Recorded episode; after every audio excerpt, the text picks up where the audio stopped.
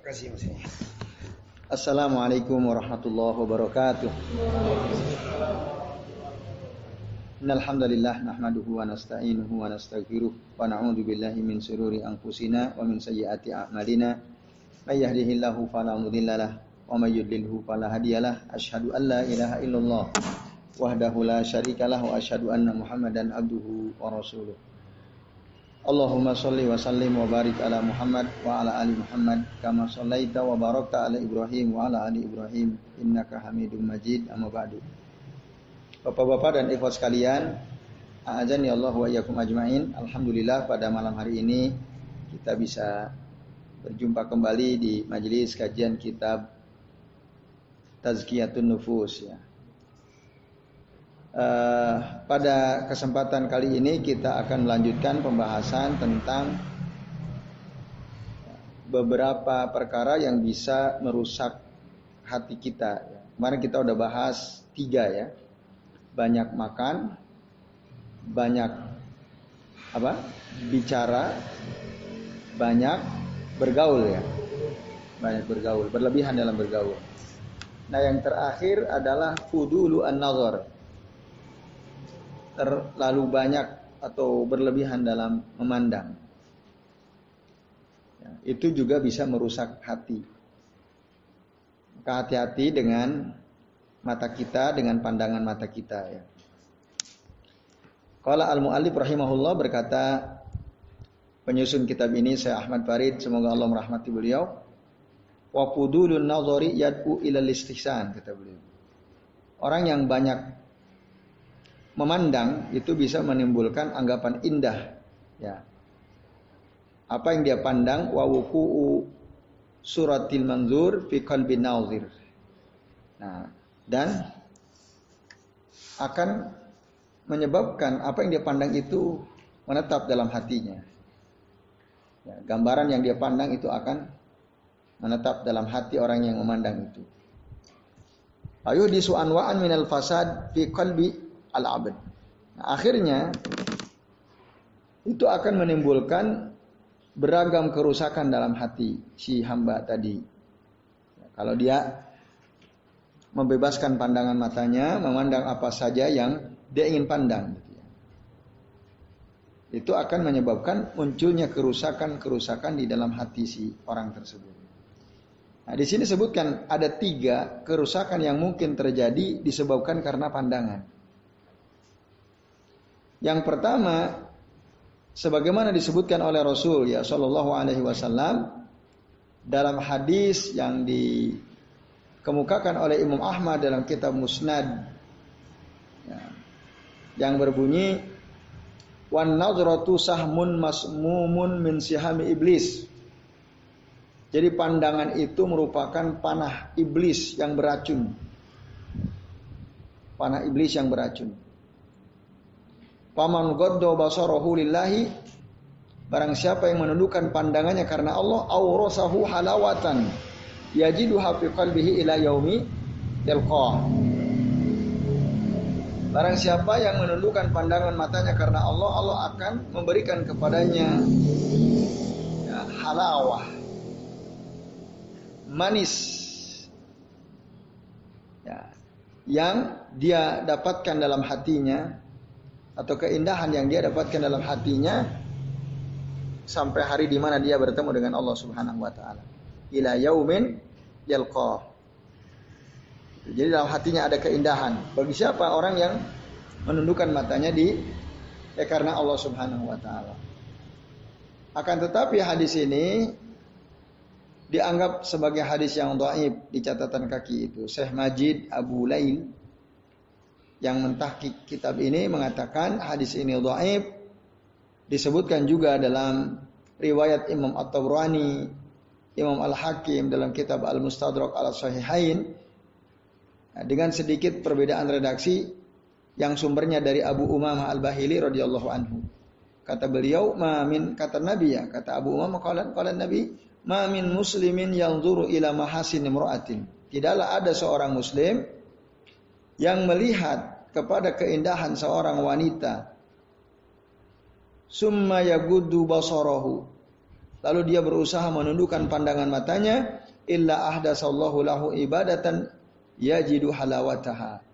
Melainkan Allah ya, akan ya, memberikan kepadanya manis dalam beribadah, kenikmatan dalam ber, beribadah. Ada misalnya di antara kita melihat oh itu cantik tenan itu ya, cantik sekali itu. Ya, habis itu dia langsung nunduk dia, ah, menundukkan pandangan mata. Oh, masya Allah cantik sekali. Langsung ini dia. ya. Atau dia, nah, kalau lihat lagi lagi. Kalau lihat lagi berarti nggak nggak akan dapat dia. Ya. Nah ini dia lihat, tapi langsung dia tundukkan. Jadi tidak diikuti oleh pandangan berikutnya. Apa keutamaannya? Dalam hadis dari Abu Umam Al-Bahili, jadi akan Allah berikan kepadanya kenikmatan dalam beribadah dalam hati. Nikmat ibadah. Nah ini.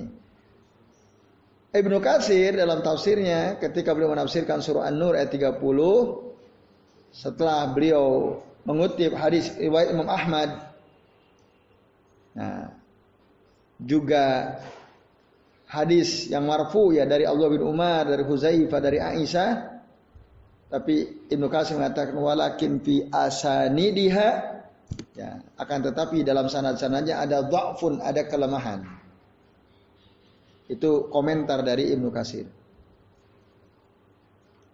Tapi Imam Al-Baihaqi mengatakan Inna muraduhu in al hadis wallahu a'lam. Sebenarnya maksud hadis di atas kalau dia sahih hadisnya ya an yaqo abasarahu alaiha min ghairi qasdin fayasrifu basarahu anha tawarruan. Jadi dia memandang seorang wanita tanpa sengaja gitu. Bukan pandangan yang disengaja, pandangan nggak sengaja. Jadi ya, tiba-tiba pas jalan nengok, oh, oh cantik gitu. Nah, itu nggak sengaja dia. Nah, bi gue min. Lalu dia palingkan pandangannya itu karena warok, karena sikap waroknya dia. Itu maksudnya. Artinya kalau ada di antara kita melihat di depan kita ada wanita cantik, sebaiknya langsung kita berpaling darinya ah, untuk menunjukkan apa sikap warok kita. Sikap warok kita. Paling si perempuannya oh sombong kali dia. Paling ya. Nah atau mungkin justru dia hormat. Masya Allah ini laki-laki. Ya dia tidak mengikuti hawa nafsunya gitu ya. Nah mungkin malah dia dekati mas mas mau nggak jadi suami saya barangkali? Nah, kamu kok warok sekali gitu ya. Mungkin saja. Nah itu, itu itu maknanya kata Imam Al Baihaqi in sohal hadis. Kalau hadisnya sah sahih. Tapi sebenarnya ada hadis sahih ya. Riwayat Imam Al Hakim ala Sarti Muslim disepakati oleh Imam Az Zahabi bahkan ada hadis dari Muslim juga ya Nah, mana hadis yang disebutkan dalam kitab Al-Mustadrak ala Sahihain? Nabi mengatakan, waktu itu Nabi bersama Ali radhiyallahu anhu. Kata Nabi, "Ya Ali, la tatba an-nazrata ya, an-nazratu la tatba an-nazrata an-nazratu fa inna lakal ula wa laysat lakal akhirah." Eh Ali, jangan kau ikuti pandangan pertamamu dengan pandangan berikutnya. Kata Rasul, nasihati Ali. Jadi kalau udah melihat, jangan ikuti. Nah, pandangan pertamamu yang nggak sengaja itu nggak masalah, nggak ada masalah. Walaisat lakal akhirah. Tapi yang kedua itu kamu tidak punya haknya. Artinya nggak boleh.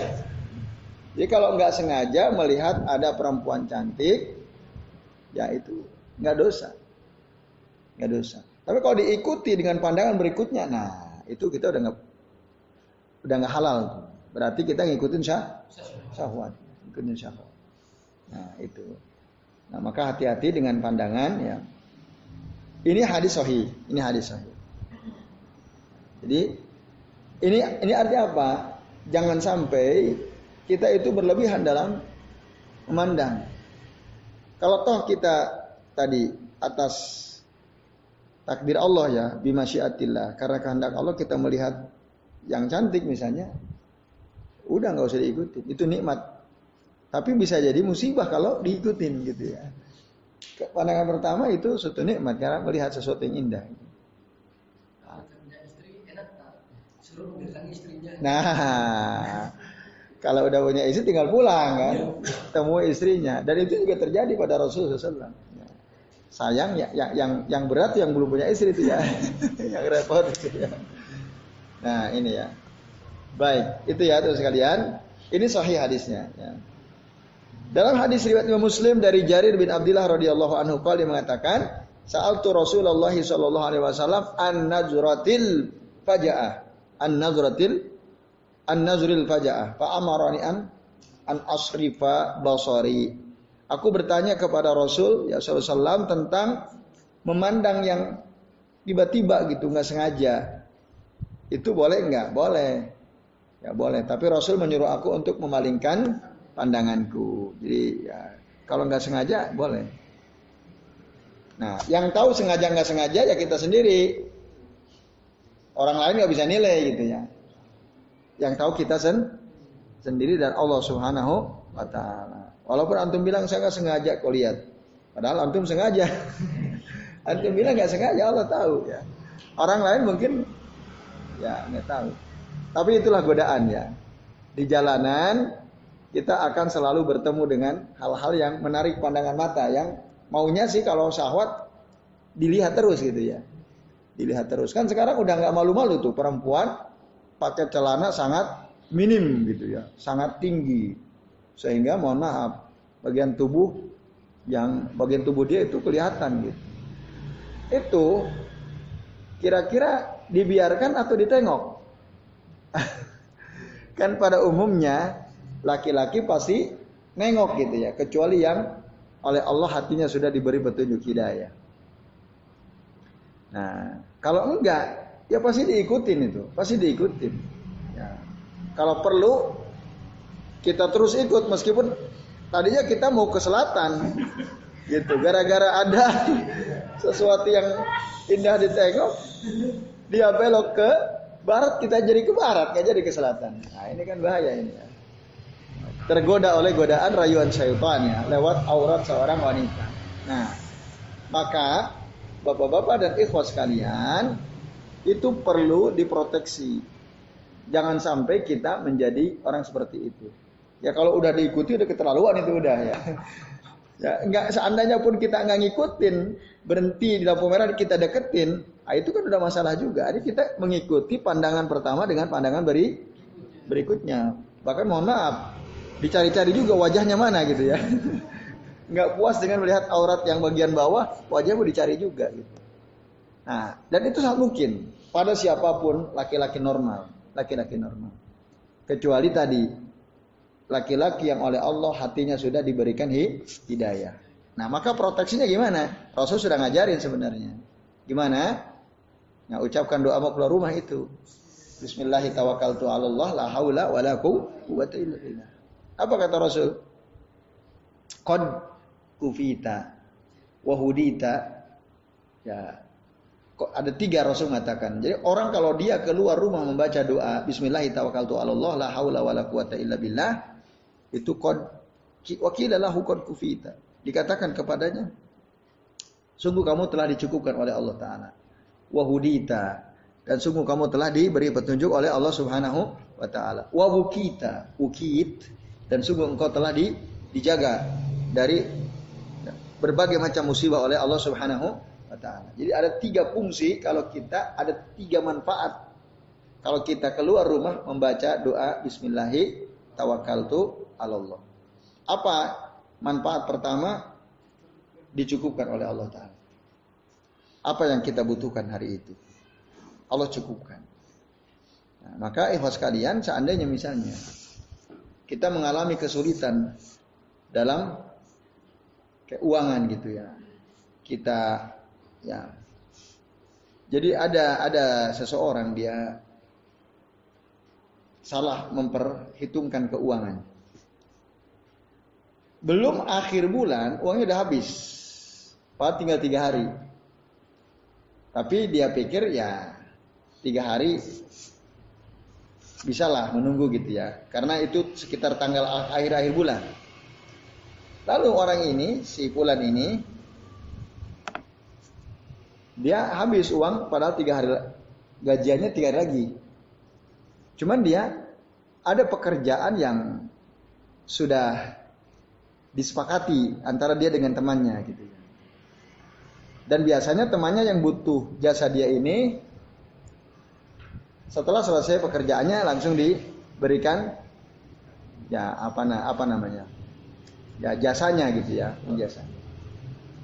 Nah kesimpulan ini pagi itu uang udah nggak ada, betul-betul nggak ada, di dompet nggak ada, di ATM nggak ada, udah habis. Tapi emang tiga tak tiga hari lagi akan nggak gaji. Tapi karena dia udah punya ancar-ancar, pagi itu dia punya pekerjaan yang sudah disepakati dengan temannya gitu ya.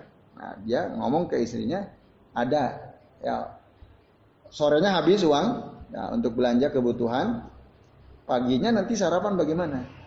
Ada nanti pagi ada pekerjaan kata si Fulan ini. Qadarullah. Nah, Ikhwan sekalian, qadarullah ini, ini takdir dari Allah taala. Ternyata lupa temannya ini setelah jasa dia selesai lupa lupa tidak diberikan upahnya lupa Padahal dia udah ngomong ke anak istri, insya Allah nanti sarapan, ya kalau habis pulang selesai kerjaan selesai, pulang nanti sarapan. Qadarullah tadi lupa, ya, temennya ini lu lupa, bingung dia. Istri anak udah nunggu, anak istri udah nunggu. Nah, tapi tadi dia paham, dari awal udah paham bahwa kalau berdoa kepada Allah Subhanahu Wa Taala, apa yang dia butuhkan dicukupkan. Allah cukupkan. Masih dalam keyakinan itu dia pulang. Pulanglah dia, dia cerita, aduh maaf, belum bisa beli sarapan. Lah kok piye? Karena ya kodarullah lupa temannya itu. Beberapa menit kemudian ada telepon. Ya, dia ditelepon oleh temannya yang lain. Antum ada waktu luang nggak hari ini? Oh ada kata si Pulan ini. Ini ada kerjaan. Oke siap, bisa nggak ngerjakan ini ini ini? Oh bisa bisa, insya Allah siap. Kesimpulan ini ya. Akhirnya, ikhwas sekalian, dia dengan gembira tentu saja menyambut ya tawaran pekerjaan yang memang harus diselesaikan hari itu. Nah, dicerita, nah ini mungkin ini mudah-mudahan ini jalannya gitu ya. Akhirnya dia dengan semangat didatangi temannya itu untuk dikerjakan yang dia mampu gitu ya, sesuai kemampuannya tentu saja. Nah, Ternyata ya itulah rezeki Allah ya. Dia dia dia yakin betul. Pokoknya kalau berdoa dengan doa itu Allah akan cukupkan. Kufita. Datang dia dikerjakan apa yang dia bisa nah, sesuai dengan permintaan temannya itu. Selesai. Habis selesai apa yang terjadi? Ternyata upah yang diberikan oleh temannya itu melebihi jatah untuk tiga hari. Lebih, berlebih. Nah, itu dasar kan? Dia pulang tentu dengan senang hati bahwa keisinya dan uang yang dia terima upah dari hasil kerjaan dia itu lebih ya biasa misalnya sehari dia habis katakanlah ya contoh saja ini 50 ribu gitu ya sehari untuk pagi sampai malam lah. Itu lebih berarti kalau tiga hari butuh berapa? 10 ya. Itu lebih bahkan dua kali lipatnya. Nah, itu. Dia semakin yakin itu. Jadi Rasul itu nggak pernah bohong. Maka teman-teman sekalian, ya, jadi kalau kita sedang dalam keadaan butuh, udah keluar saja, baca doa itu, cari, ya ikhtiar. Nanti Allah yang akan memberikan dengan caranya, dengan caranya. Yang penting kita yakin, walaupun mungkin caranya macam-macam kan, ada yang lewat hutang. Mungkin saja waktu itu si Fulan udah mikir saya mau hutang deh temui teman saya hutang. Itu nanti akan Allah permudah. Dapat. Tapi itu tidak perlu hutang, ternyata udah dapat, dia dapat pekerjaan. Dan itu min haitsu la yahtasib. Tidak dia pikirkan sama sekali sebelumnya. Mufajaah itu tiba-tiba aja temannya butuh dia. Nah, itu ya. Nah, maka kufita itu fadilah berdoa ketika mau keluar ruh. Yang kedua hudita. Nah ini yang ada kaitan dengan bab yang kita sedang bahas. Hudita itu apa? Diberi petunjuk hatinya oleh Allah Ta'ala. Sehingga terkendali gitu. Selalu di bawah petunjuk Allah Ta'ala. Sikapnya, ucapannya, pandangannya itu di dapat hidayah. Sampai syaitan itu ya, cerita kepada temannya, Bagaimana mungkin ente bisa mengganggu dia? Fa innahu qad kufiya wa hudiya wa ukiya. Karena dia sudah dicukupkan oleh Allah taala, dia sudah diberi petunjuk oleh Allah taala, dia sudah dijaga oleh Allah taala. Nggak mungkin kamu bisa ganggu dia.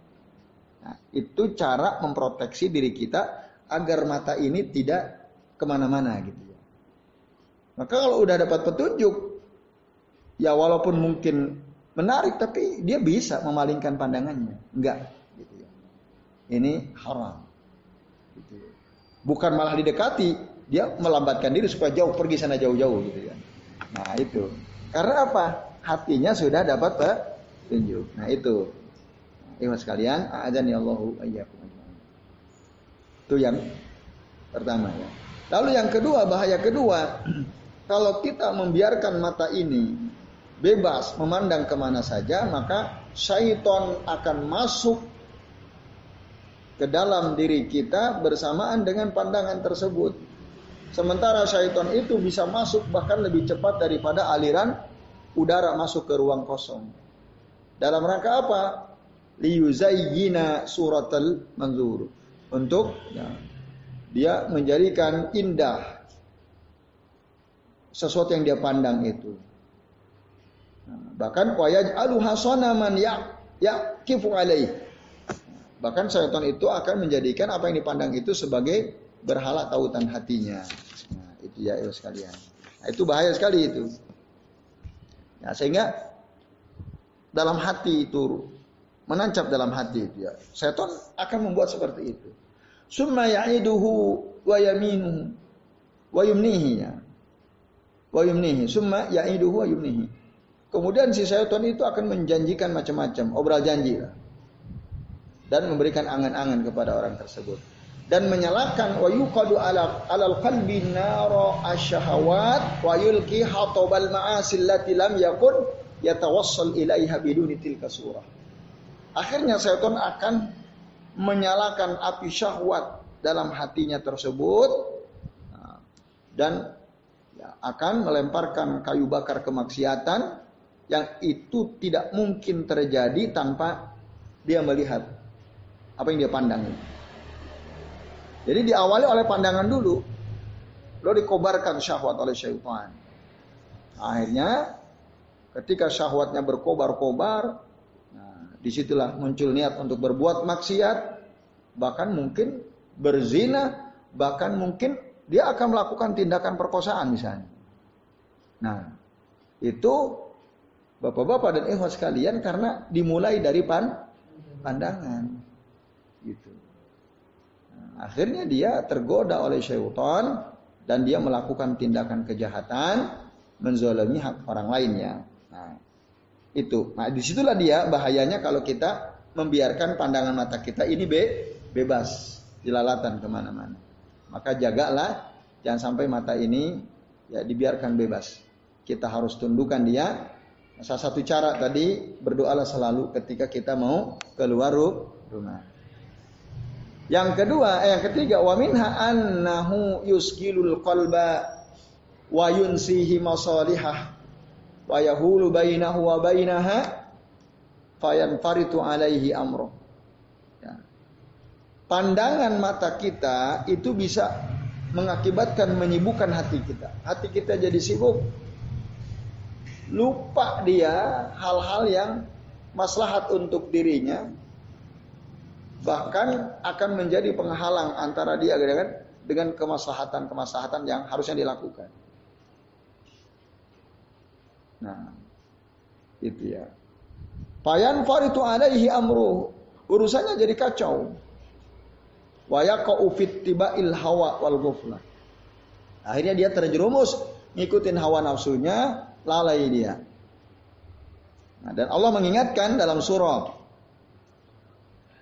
Al-Kahfi ayat 28. Wala tuti man aghfalna qalbahu an dzikrina wattaba'a hawahu wa kana amruhu furuta.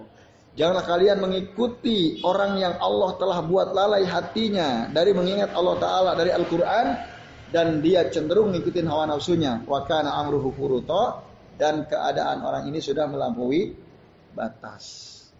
Allah ingatkan, jadi jangan ikuti. Orang yang oleh Allah hatinya dibuatlah lalai dari mengingat Allah, mengingat ayat-ayat Allah dari Al-Quran yang ikuti hawa nafsu terus. Jadi dengan membebaskan pada mata kita tidak kita kendalikan, nanti hati kita ini sibuk terus dengan hawa nafsu gitu. Nah ini. Maka itlaqul basar yujibu hadhil umuri salasah kata Syekh Ahmad Farid. Membebaskan pandangan mata menyebabkan ya, akan terjadinya tiga perkara yang tadi sudah disebutkan itu. Maka hati-hati ya mata betul-betul kita jaga. Ada juga tuh doa yang juga diajarkan oleh Rasul ya Shallallahu Alaihi Wasallam. Selain tadi Bismillahirrahmanirrahim, la haula wala quwata illa billah ada Bismillahirrahmanirrahim. Allahumma inni a'udzubika an adilla au udalla an azilla au uzalla an ya azlima au uzlama an ajhala au yujhala alayya. Ada yang sudah hafal doa ini? Belum ada yang hafal ya. Wah ini penting juga. Artinya apa? Ya Allah, ya Bismillah tawakkaltu Allah. Dengan menyebut namamu aku bertawakal kepada Allah. Allahumma inni a'udzubika Ya Allah sesungguhnya aku memohon kepada engkau perlindungan. An aldillah ya, untuk berbuat sesat. Au udhalla. Atau disesatkan. An azilla. Ya, aku mohon perlindungan kepada Allah dari tergelincir. Au uzalla. Atau digelincirkan oleh orang lain. An auzlima atau aku juga berlindung kepada Allah dari berbuat zalim au uzlama alayya atau aku dizalimi. An azlima au uzlama an ajhala au yujhala alayya dan aku juga mohon perlindungan kepada Allah dari nah, an ajhala dari berbuat bodoh au yujhala alayya au yujhala alayya atau dibodohi. Dibodohi sama orang digendam gitu kan misalnya, ditipu dan lain sebagainya. Wah itu juga dahsyat itu doa itu. Kalau kita mau keluar rumah ya. Jadi mohon berapa itu? Delapan. Perlindungan dari delapan perkara. Sesat atau disesatkan, tergelincir atau digelincirkan, berbuat zolim atau dizolimi, berbuat bodoh atau dibodohi. Kita punya potensi untuk melakukan ke delapan perkara itu atau tidak? Iya, setiap kita punya potensi. Punya potensi berbuat apa? Sesat atau menyesatkan. Tergelincir atau digelincirkan. Zolim atau dizolimi. Berbuat bodoh atau dibodohi. Itu doa dibaca, dihafalkan, rutin kan. Setiap kali mau keluar rumah baca itu. Nah, nanti cari itu ya, sekalian doa tersebut. Nah. Kemudian waqala atibaul qulub bainal aini wal qalb munfidun wa tariq. Para pakar ya pakar hati atibaul qulub ya maksudnya pakar dokter-dokter hati para ulama mereka mengatakan antara mata dan hati itu ada kaitan yang sangat erat kalau mata rusak, hati juga jadi rusak. Maka akhirnya hati bagaikan kalmazbalah kalmaz mazbalah allati hiya mahallun najasat wal qazurat wal ausakh. Akhirnya hati dia menjadi tong sampah, tempat najis, kotoran. Kalau apa? Mata ini dibebaskan. Jadi pikiran kita ini banyak kotoran. Akhirnya fala yasluhu li sukni ma'rifatillahi ta'ala wa mahabbatihi wal inaba ilaihi wal anas wal wal anas bihi wa surur bi qurbihi wa inna ma yaskunu fihi adadu zalika. Kalau sudah kotor hatinya, maka hatinya itu nggak bisa, ya, dia nggak senang, tidak bisa masuk tuh ma'rifatullah, mengetahui Allah, kecintaan dia kepada Allah nggak bisa masuk ke hatinya. Untuk kembali taubat kepada Allah nggak bisa masuk. Ya, tunduk pada Allah, merasa gembira dekat dengan Allah, itu nggak bisa masuk. Karena apa? Hatinya kok kotor disebabkan oleh matanya. Jadi nggak lezat lagi berdekat-dekatan dengan Allah tidak nikmat, zikir lagi tidak nikmat, tilawah Quran tidak nikmat, sholat tidak nikmat, nggak nggak bisa gitu hati merasakan kenikmatan. Karena apa tadi? Sudah jadi tong sampah disebabkan nazratul ain. Matanya bebas melihat apa saja. Dia nggak jaga matanya. Nauzubillahi min. Kita berlindung kepada Allah jangan sampai ya mata ini menjadi alat yang bisa merusak hati. Karena apa? Biitlaqihi dibebaskan. Membebaskan pandangan mata itu adalah kemaksiatan kepada Allah Azza wa Jalla. Dalilnya disebutkan di dalam Al-Quran surah An-Nur ayat 30. Ul kata Allah. Katakan Muhammad lil mu'minin. Untuk orang-orang beriman. Ya min awsarihim.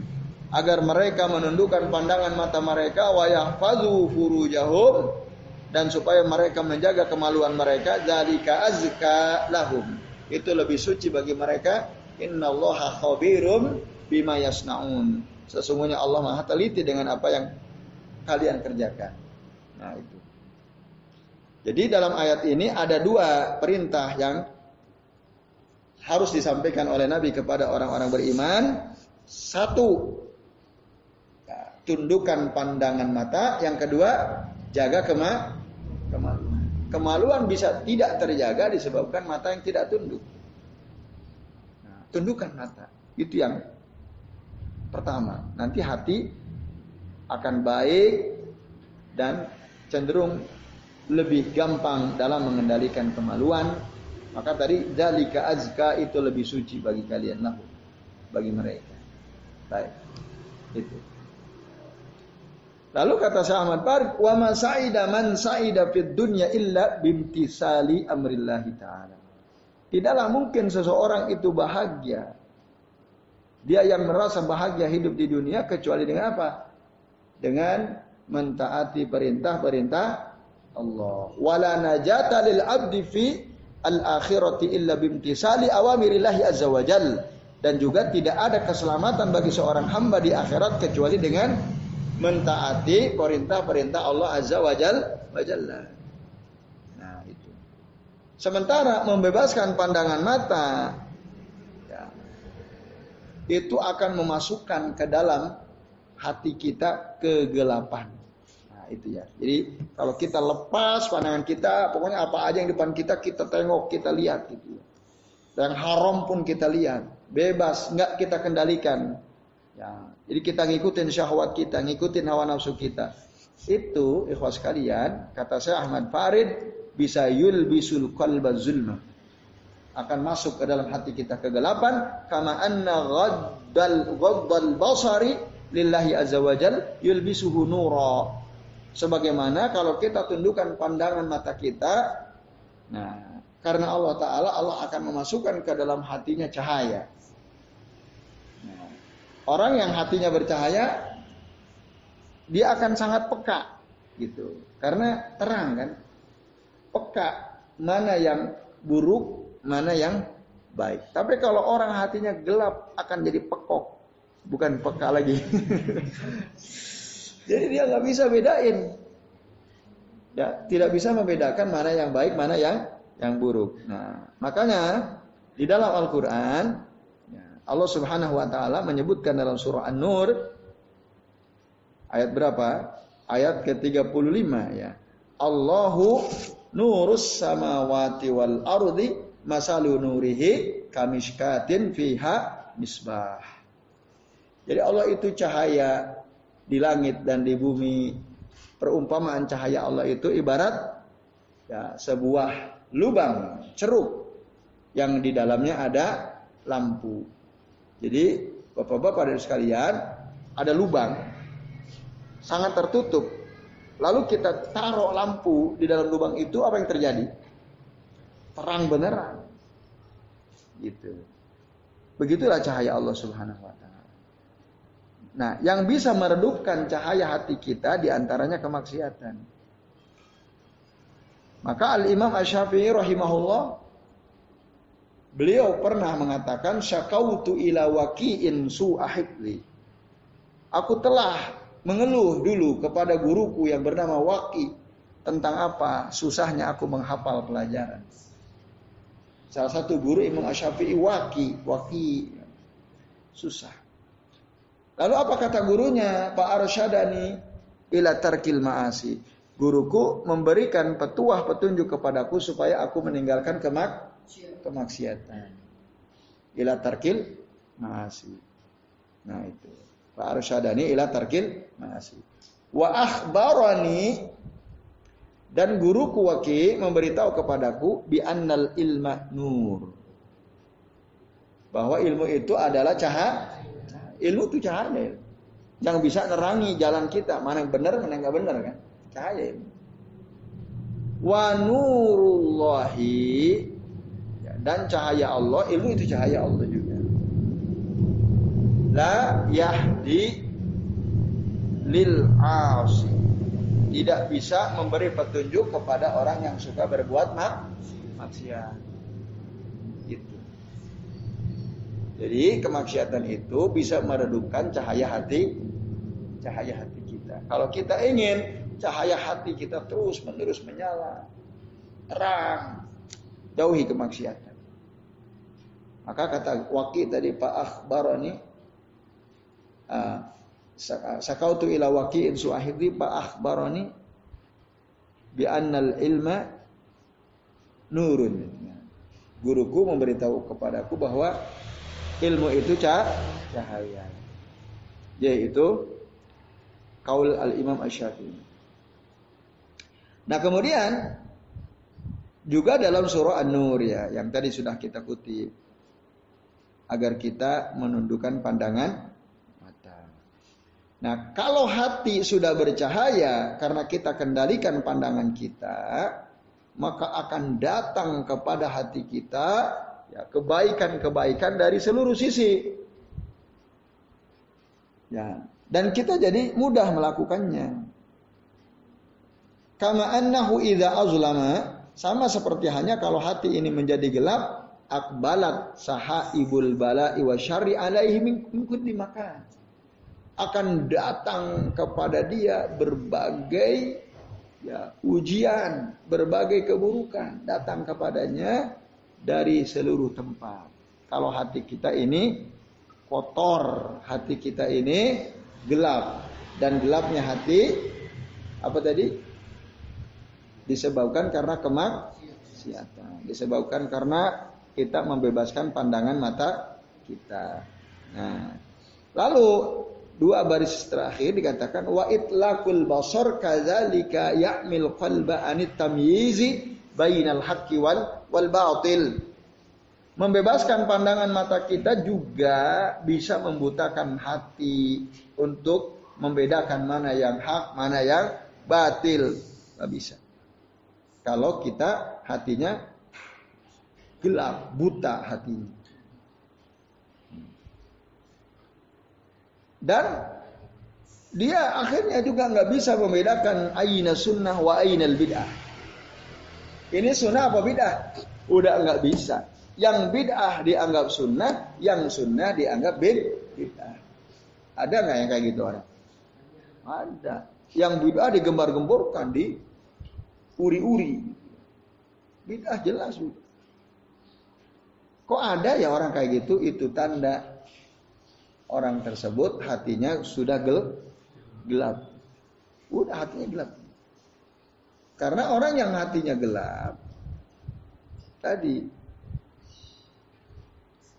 lihat tidak lagi bisa apa? melakukan tamyiz bainal haqqi wal batili was sahih wa apa? bainal haqq wal batil wal was sunnah wal bid'ah tidak bisa lagi bedain.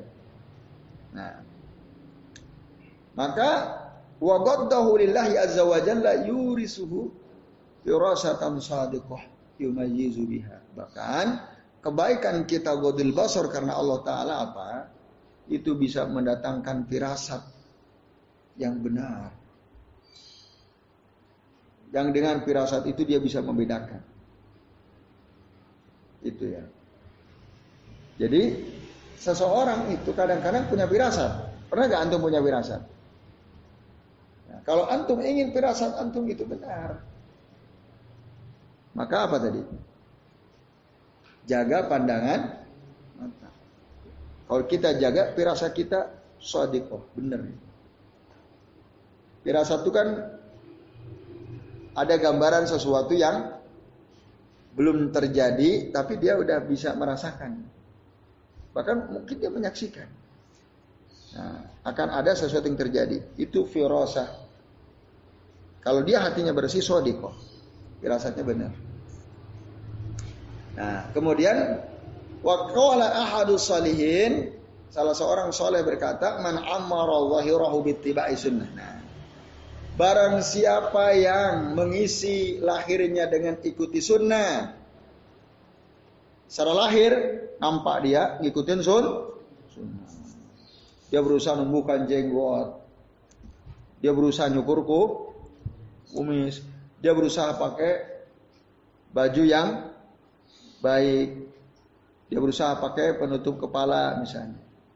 Nah ini ya berarti dia ammara ya zahirahu bittiba'i sunnah. Wa batinuhu bi dawami al muraqabah dan hatinya dipenuhi dengan apa? Pengawasan dari Allah Taala. Jadi hatinya selalu merasa diawasi oleh Allah Taala. Ke mana pun di mana pun kapan pun Allah selalu mengawasi ya, dia yakin itu nah akhirnya apa tuh kalau dia merasa di murokobah oleh Allah Ta'ala. Jadi mengendalikan pandangan matanya dari yang haram ha? haram. Selain itu, nah, menghentikan dirinya dari subhat sub, subhat. Nah. Kemudian yang uh, berapa? Ah, wa wagtada bil halali lam yuhti lahu firasah. Orang yang mengikuti sunnah, mengisi kehidupan dengan sunnah, menundukkan pandangan matanya karena Allah ya dari yang haram-haram. Ada dua padilahnya di sini. Kafa nafsahu ani syubuhat berarti dia telah apa? Menjaga dirinya dari perkara-perkara sub subhat. Jadi di oh, apa? Ya tadi apa? Dia menundukkan pandangan mata itu ya. Nah, itu akibatnya apa? Dia akan menahan dirinya dari perkara subhat wagtada bil halal dan dia akan makan hanya dengan yang halal ha? ala lam tuhti lahu firasah. Lam tuhti. Jadi firasatnya itu nggak pernah salah, nggak pernah keliru. Kalau hati orang tersebut bersih.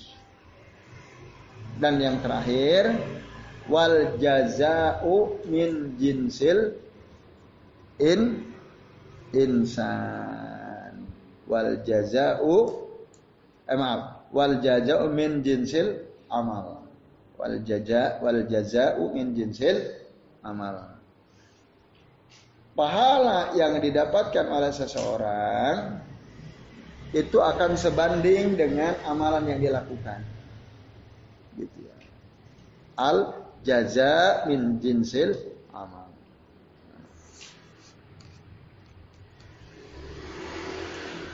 Maka setiap balasan kebaikan yang kita terima atau keburukan yang kita terima itu sangat erat kaitannya dengan amal-amal kita. Baik. Sesuai dengan amal amalannya. Maka paman ghadda basarahu an maharimillahi taala Barang siapa yang menundukkan matanya dari hal-hal yang diharamkan oleh oleh Allah taala atlaqallahu nura basiratihi. Nah, Allah akan apa? Nah, jadi barang siapa yang menundukkan pandangan matanya dari hal-hal yang diharamkan oleh Allah Ta'ala, maka Allah akan memberikan cahaya ya apa tadi? Menjadikan Allah akan memberikan cahaya pada basirohnya pada hatinya. Karena apa? Godu godok basorohu. Ya an maharimillahi ta'ala. Baik ini dia ikhwas kalian. Ya jadi kesimpulannya adalah Jangan biarkan mata ini bebas memandang apa apa saja. Kalau enggak sengaja kita memegang apa memandang, enggak sengaja itu tidak ada mah masalah. Asal jangan diterusin. Diterusin. Nah, diterusin. Itu. Ya. Saya kira ini ya sekalian yang bisa kita bahas pada kesempatan malam hari ini. Mudah-mudahan Allah memberikan ya karunia kepada kita semua sehingga kita bisa menjadi apa menjaga pandangan mata hatinya jadi bersih demikian. Saya kira apa yang bisa kami bahas ya selebihnya sebelum diakhiri barangkali ada di antara antum yang mau bertanya kami persilahkan.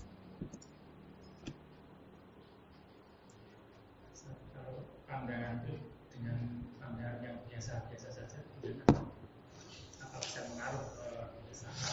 hati. Ya pandangan yang netral gitu ya. Ya tidak akan ada implikasi buruk. Ya tidak akan ada. Karena sesuatu yang kita melihat tembok masjid melihat sawah hijau gitu ya. Tapi tentu kalau itu sesuatu yang indah tapi tidak haram itu akan apa? Menimbulkan rasa gembira ya, pada hati kita gitu interaksi dengan orang lain. Dengan akhwat? Beda jenis kan? ya. Itu dengan pandangan yang biasa-biasa saja gimana ya nah. ya dalam kehidupan ada situasi di mana kita tidak bisa meng menghindar mengelakkan akhirnya ya kita jadi berpandangan terus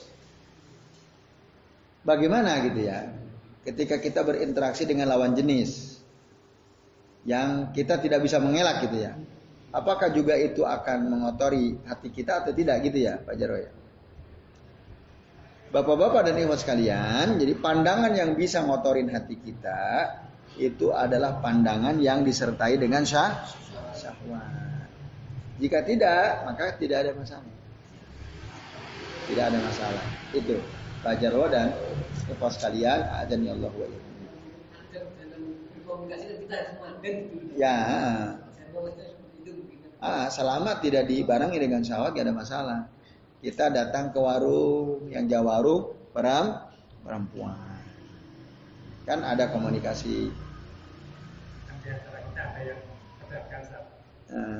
dihindari, gitu. hmm. di pasar, kan nggak bisa dihindari. Hmm. Itu bagaimana gitu ya? Ya tadi selamat tidak dibersamai dengan sawah tidak ada masalah. Di pasar kan macam-macam, apalagi di mall. Coba, wah itu ngeri-ngeri itu kan di mall. Pokoknya kalau nggak zikir, mata itu pengennya ngikutin terus kan begitu. Kalau nggak zikir, mau ngeri itu. Nah, walaupun udah punya isi belum punya isi sama aja itu. Ya, kalau nggak zikir. Lihat yang kayak gitu itu pengennya nonton terus gitu ya. Nah, tapi dengan, dengan zikir tadi selama tidak dibersamai dengan syahwat yaitu asal la tatba an nazrata an nazrah. Jangan ikuti pandangan pertama dengan pandangan berikutnya. Oh saya susah menghindar ya. Apa? Memandang hal-hal yang wah ngeri-ngeri gitu ya dalam tanda kutip. Ngeri-ngeri sedap gitu ya. Susah ya. Kenapa? Nah, karena itu di ruang publik gitu ya, di mall nggak bisa ya. Ya bisa, nggak bisa itu karena kita ngikutin syahwat. Lah emang banyak banget kan gimana? Nengok sana begitu, nengok sana begitu, nengok depan begitu juga. Nah, tapi dengan kita melakukan godul basar, insya Allah bisa. Nah, jadi intinya kendalikan jangan sampai mata ini jelalatan gitu. Lihat astagfirullahaladzim. Oh, astagfirullahaladzim ada lagi di sini. Ya, jadi berpahala tuh kan. Karena selalu istighfar kita kan. Ya itu, itu Pak Jarwo. Jadi selama tidak di, bersamai dengan syahwat maka tidak berdosa. Asal tadi tidak diikuti oleh pandangan berikutnya. Ya, Allah a'lam Masih ada teman-teman? Yang lain? Jelas ya? Baik, terima kasih atas perhatiannya. Semoga bermanfaat ya. Dan kami tentu saja mohon maaf apabila yang kami sampaikan ada kesalahan. Dan kami akhiri. Wasallallahu ala Muhammadin wa ala alihi washabihi wa baraka wa sallama alaihi majma'in. Billahi taufiq wal hidayah. Wassalamu alaikum warahmatullahi wabarakatuh